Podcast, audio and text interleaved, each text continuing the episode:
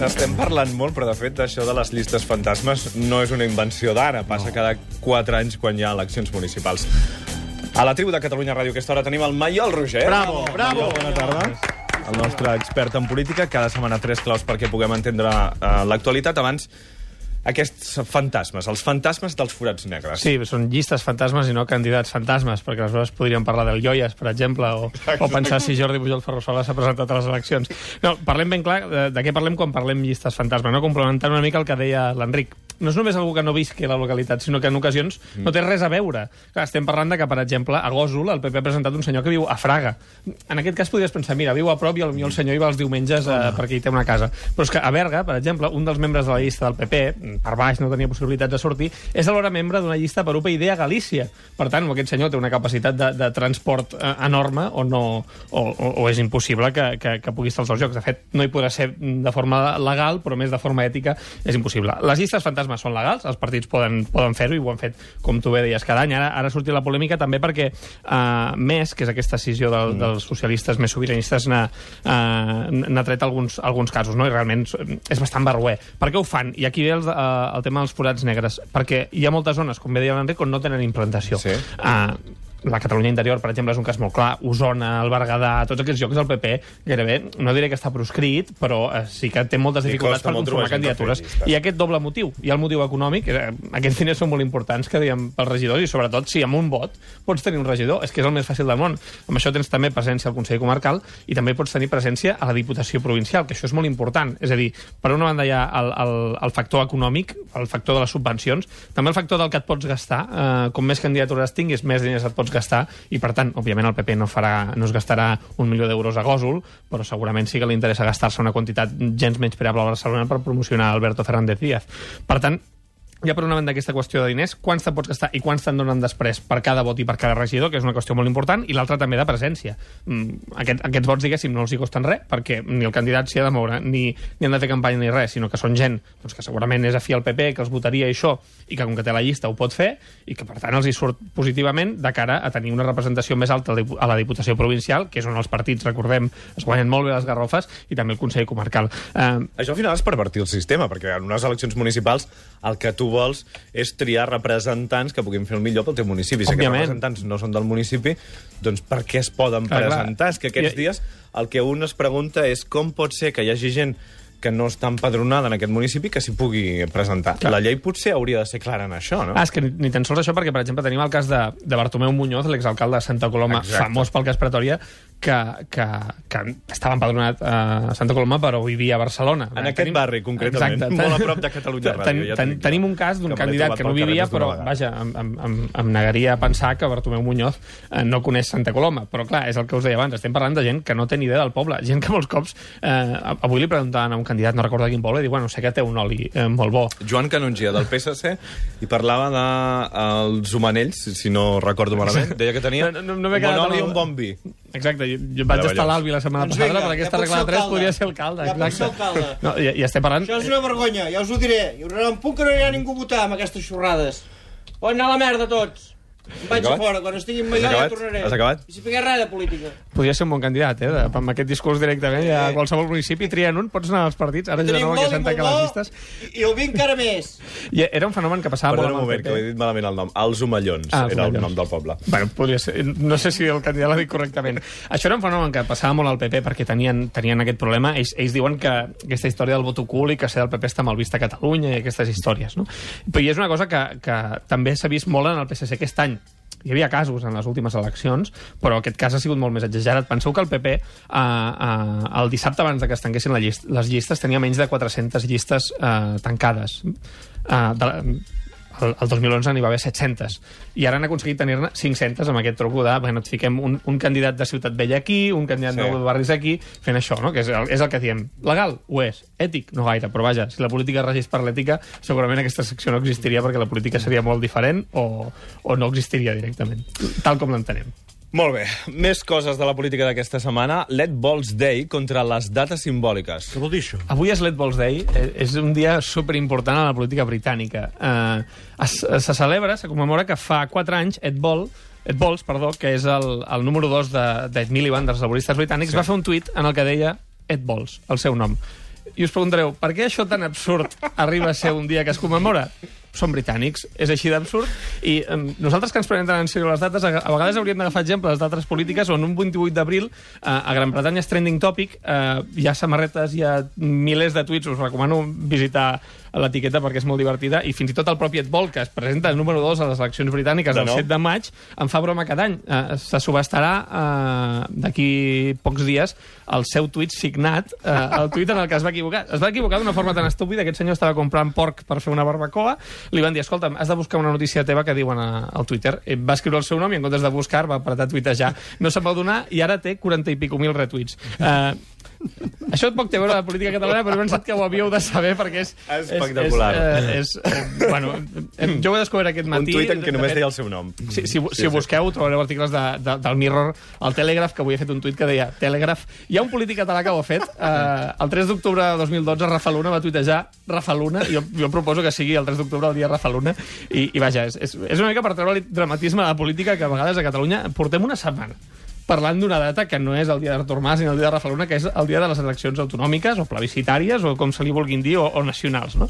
I, i, i ho fem amb un nivell de dramatisme que a vegades aquestes històries de, de política sèria, aquest senyor pot ser eh, ministre d'Economia eh, si guanyen els laboristes a eleccions britàniques. No, no, no és un qualsevol, no? No és, doncs, doncs a vegades treure una mica de dramatisme a la política també està bé. I és el que hauríem de fer la política catalana. Portem això, una setmana, des de dimecres passat, de Sí. fet, parlant del, del 27 de setembre, si hi haurà eleccions, si no hi haurà... Expliquem una mica de què va, perquè això té, té, té una intrahistòria que, que està bé per entendre uh, com, fu com funciona la relació actual entre Oriol Junqueras i, i Artur Mas.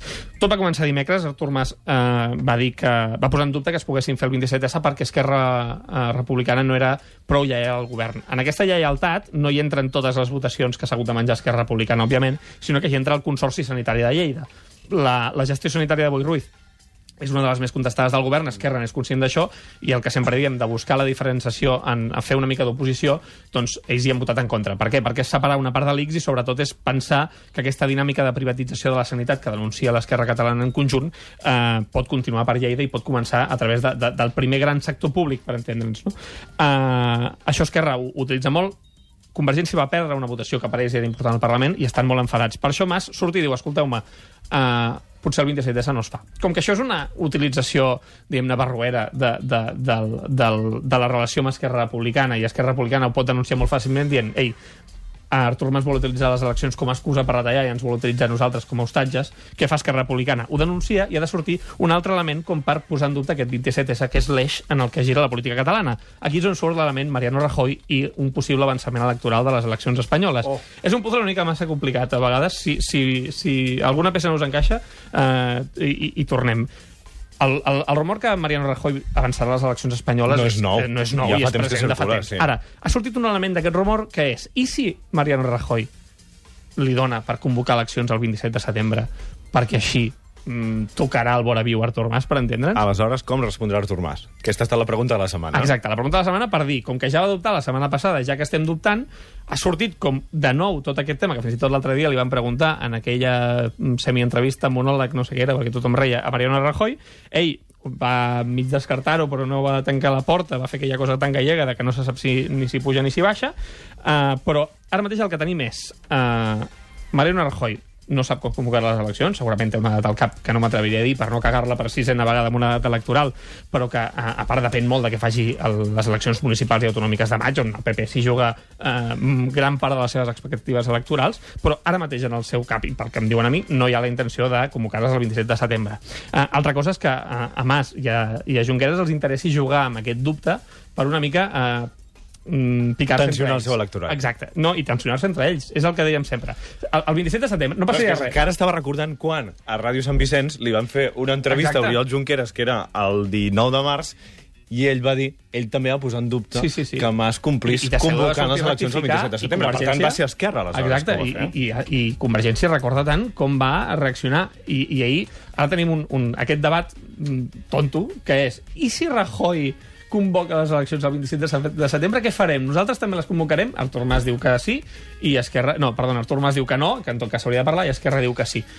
En això no hi hauria problema si Esquerra i Convergència tinguessin una sintonia perfecta, perquè aleshores tu pots convocar les eleccions dues setmanes després o dues, dues setmanes abans no podries per dates, però vaja, la data del 27 de setembre, mm. que ara la tenim com a històrica, seria una anècdota perquè si estàs cohesionat i tu saps, tens clar que el missatge dels dos és el mateix, la convoques dues setmanes després i no passa res. Com que a Esquerra li interessa uh, vendre el missatge de que la confiança que té Artur Mas és poca i a Artur Mas li interessa vendre el missatge que la que l'estabilitat que li dona Esquerra també és poca, doncs jugant amb aquesta data. I en això estem en el debat de la política catalana.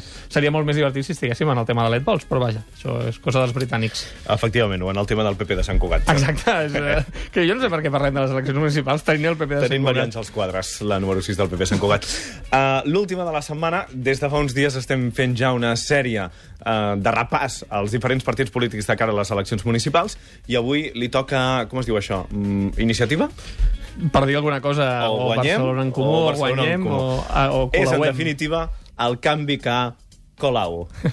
Sí, sí, jo sempre eh, intento colar Bravo. un, un, un joc no, no. estúpid. Avui he arribat a la tercera, em sap molt de greu, nois.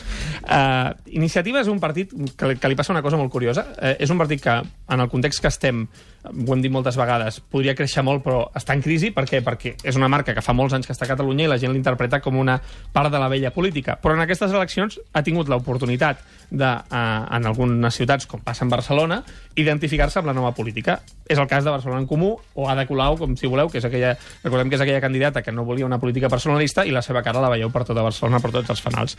Um, per què diem que el canvi a Colau? Perquè Iniciativa, eh, si una cultura de govern és la de la ciutat de Barcelona, n'ha governat durant molts anys, fins que el 2011 va, va pujar Xavier Trias, però amb aquesta alternativa de Colau, en el que el candidat d'Iniciativa, a més de ser una persona nova com Laia Ortiz, que estava al Congrés i, i abans al Parlament, però no ha estat mai a la política municipal, doncs ella és la número 3, però la número 1 és Ada Colau, algú que ha estat molt implicat en unes lluites socials i en un, en un eix de la política que està molt en discussió ara, doncs han aconseguit que realment el debat sigui bipolar, en, en, siguin unes eleccions realment plebiscitàries de o Convergència o Iniciativa o Barcelona en Comú o Guanyem o Ada Colau o com li vulguis dir. O la continuïtat o el canvi. Exacte, continuïtat o canvi. Això és el que juga a Barcelona. A les altres ciutats, l'iniciativa dependrà de quines confluències hagi pogut fer. La, uh, de, hi ha 221 llistes d'iniciativa, són un palet menys que el 2011, però vaja, no és una xifra molt significativa de, de llistes que ha perdut, de les quals 59 són amb confluències. En aquestes, que confluències parlem amb Podem, amb la CUP algunes, eh, amb, amb més, que són aquests socialistes sobiranistes que dèiem, en, en aquests llocs segurament uh, aguantarà i, i pujarà perquè formarà part d'aquest eix de la nova política. Uh, hem de veure què passa al Prat, que és l'alcaldia històrica, fa 31 mm. anys que tenen el mateix candidat, a més, uh, en Lluís Tejedor, que també serà interessant, i, i dos llocs que us convido a mirar en contraposició Barcelona, que són l'Hospitalet, on van solitari perquè la candidatura de l'Hospitalet en Comú, quan ho tenia tot fet, han acabat barallant-se pels llocs a les llistes, i Badalona, on l'iniciativa estarà a l'eix de la vella política, perquè la nova política, que és eh, Badalona en Comú, és una coalició entre la CUP, Podem, en la que no, Esquerra Unida Alternativa, en la que no entra Iniciativa. Per tant, ens, ens dona un cas. Iniciativa pot tenir molt més poder en aquestes municipals a partir de l'Ajuntament de Barcelona, però pot tenir molt menys regidors per formar part de la vella política. Acabem, Maiol. Però la setmana passada et vas comprometre davant de tota l'audiència a llegir-te el llibre de l'Albert Rivera. Eh, he de confessar que no he acabat. Eh, no he acabat perquè me n'estic llegint dos de l'Albert Rivera. Home, també és que és beneit, eh? Sí, eh, hi, ha, hi ha un llibre que és Del el que has llegit pots avançar alguna cosa? Destacar alguna cosa? Sí, jo mm, puc dir que... Eh, Sí, eh, és que em costa molt, molt, molt, molt d'explicar, perquè és un llibre d'entrevistes en el que, en el que no, no surt el, el nom de l'entrevistat, per tant hem d'assumir que Albert Rivera es mira ell mateix al mirall es fa preguntes, i la primera pregunta li, li pregunten ¿eres como Obama? Eh, per, per un sentit de perquè te gusta eh, explicar tu vida privada, en comptes de dir ¿eres como Belén Esteban? que te gusta mostrar tu vida privada, i pregunten si és com Obama. Per tant, la identificació és molt clara. Prometo, eh, us ho prometo, i em comprometo aquí davant de tota l'audiència, a, llegir-me molt profundament, no cal, si eh, vosaltres, eh, com, com vulgueu, eh? No cal. Uh, sí. El que et surti de dins. El que et surti de dins. Deixes, tens altres feina a fer. llegir coses uh, meravelloses, clar, em feu, em feu llegir Juntos Podemos i, i El Cambio Sensato, que són aquests dos llibres de noms eloquents, però vaja, tot per la tribu. Gràcies, Maiol, fins la setmana que ve. Adéu. Adéu.